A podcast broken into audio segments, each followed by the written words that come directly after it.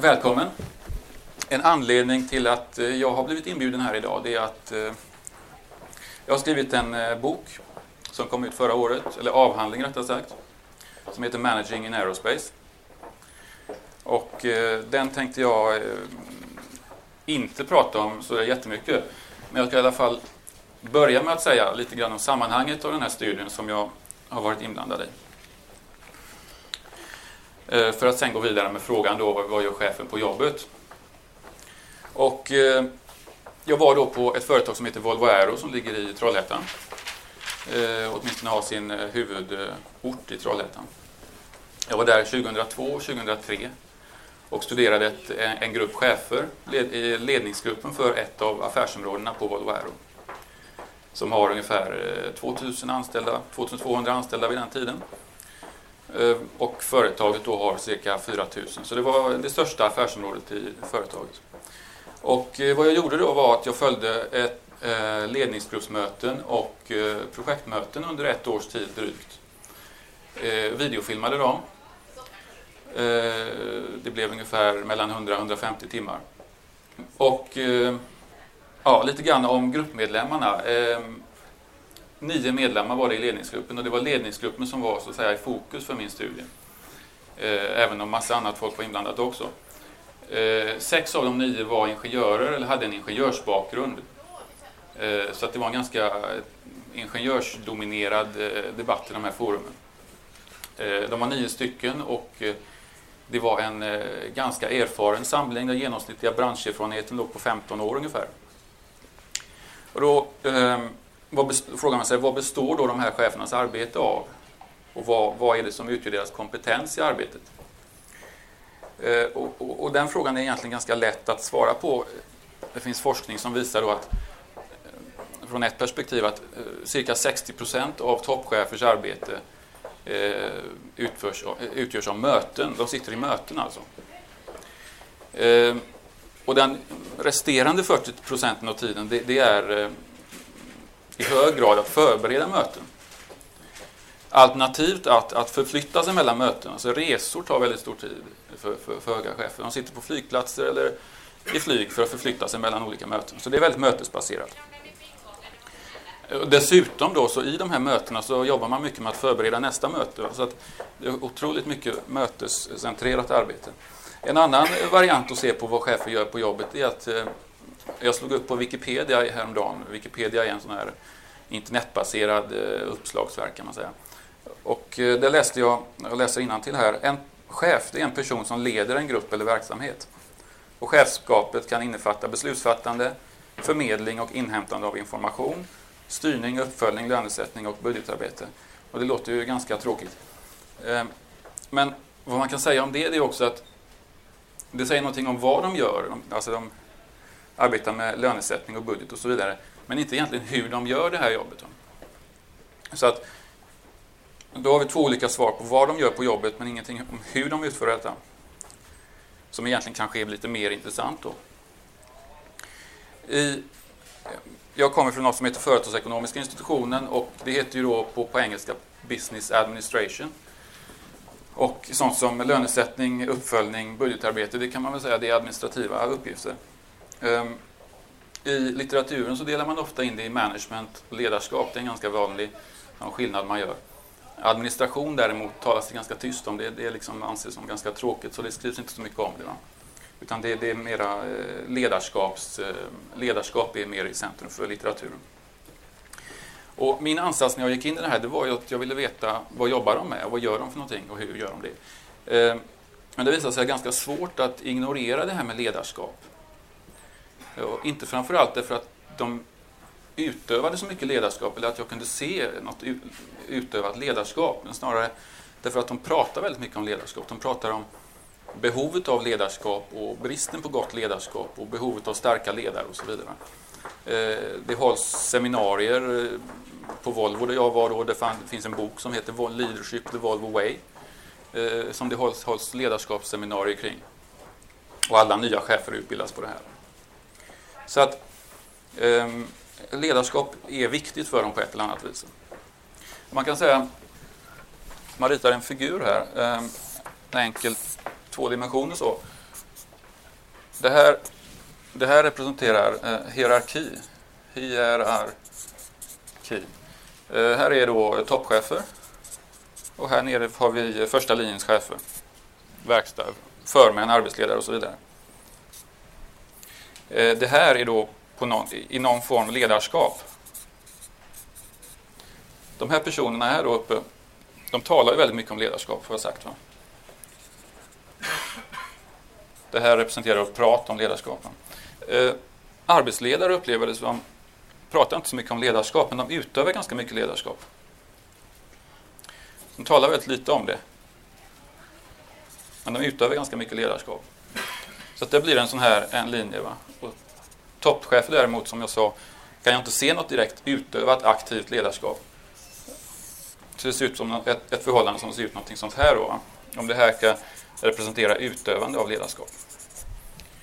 Och då frågar man sig varför är det så här då? Ja, en anledning är ju då att när man ser på de här högre cheferna så, så behöver de egentligen inte utöva speciellt mycket ledarskap. Utan de som de umgås, umgås med och leden ganska ja, under dem, så att säga, de är ganska motiverade och lojala och, och jobbar på ändå. Va?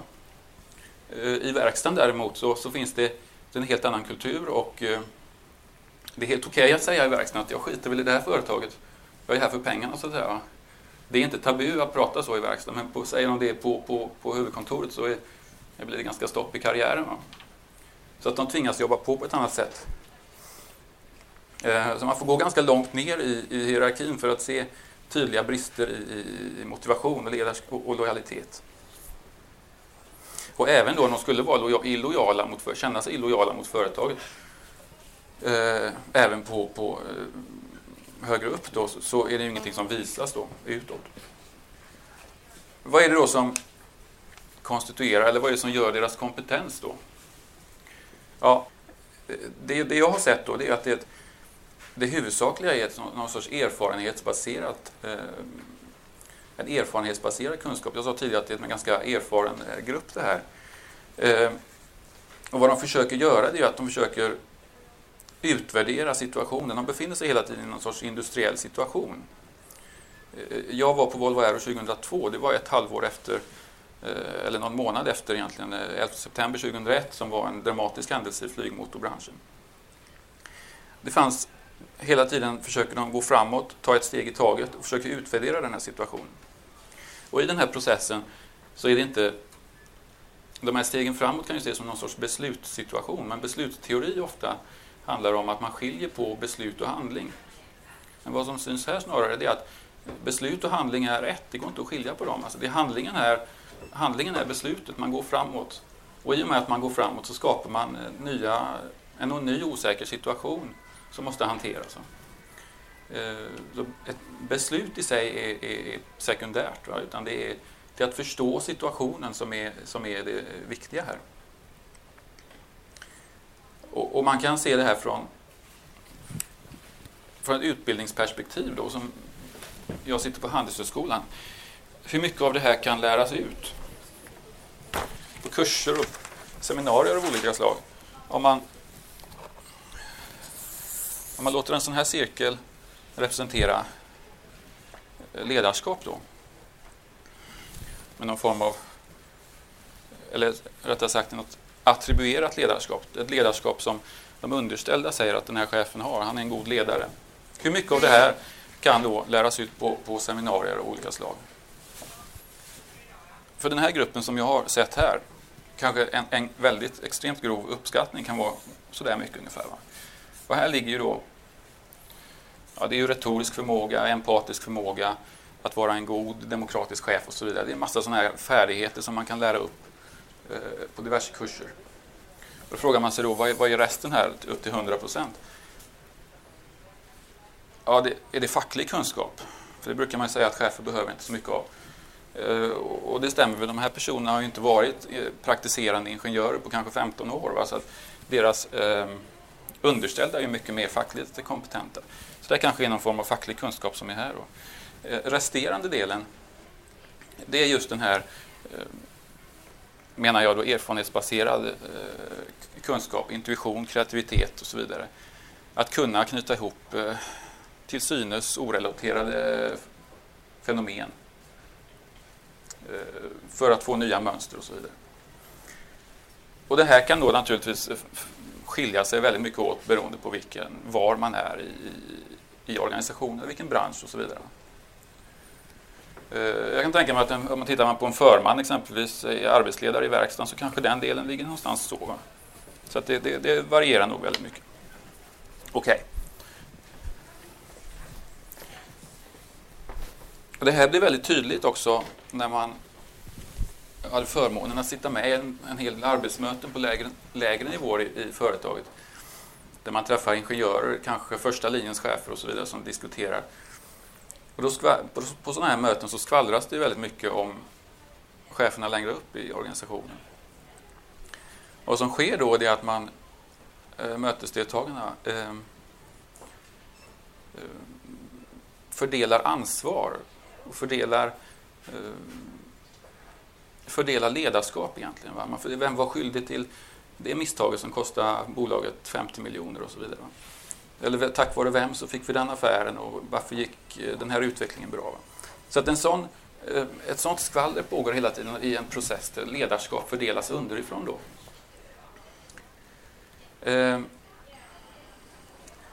Och det är också delvis därför möten mötet som arbetsform är väldigt eh, viktigt för, för cheferna. Va? För de, eller rättare sagt eh, på grund av det där. Va? För, för den, den tredje, sista delen där, eh, den stora biten, den är ju, det utförs ju i möten. Va? Där man knyter ihop de olika eh, kompetenserna i gruppen, deras, eh, för att få ut det mesta av det. Va? Så det är liksom en anledning till att mötet blir eh, intressant. Då. Ehm, Ja, problemet med ledarskapsutbildningar då är det att man försöker fånga ledarskapet så att säga utan detta mellanled eh, som sker någon annanstans då. Eh, I de här eh, arbetsmötena då exempelvis. Och även eh, i den här stora delen då av kakan, eh, där är ju chefen så att säga medarbetare snarare än chefen. Han är ju en av dem som försöker lösa vad det nu är för situation, för att försöka förstå en situation. Eh, så att det skiljer man på, eh, eller så det blir medarbetare och chef ett och samma. Eh, ledars, en, en ledare däremot, alltså jag, jag delar upp det då mellan ledare och manager egentligen en ledare, han är ju per definition, eller hon, skild från den som leds. Annars kan det inte finnas en ledare. En manager däremot är, ordet manager eh, kommer från det här manege, alltså häst, hästar och manege och så. Eh, och det italienska managere. Och då är man i situationen alltså. Och, och därmed också då eh, är man en medarbetare snarare än en som leder. Va? Och det, det ledarskapet blir snarare ett resultat av utfallet av den här processen. Jag ska ta, säga några ord också om, om skillnaden mellan administration och management. För det är den tredje delen då, business administration och det vi började med att prata om här med lönesättning, budgetarbete och så vidare. Vad den här administrativa delen handlar om eh, det är enbart, skulle jag säga, att minska osäkerheter. Genom att eh, bygga upp processer och följa processer, följa system, så minskar man osäkerheter. Management däremot handlar om att både minska osäkerheter men också framförallt skapa osäkerheter. Genom att man då tar ett steg i taget framåt så skapar man osäkerheter hela tiden. Både positiva och negativa osäkerheter. Alltså både chanser och risker kommer upp. Och det är det som det här väldigt mycket handlar om.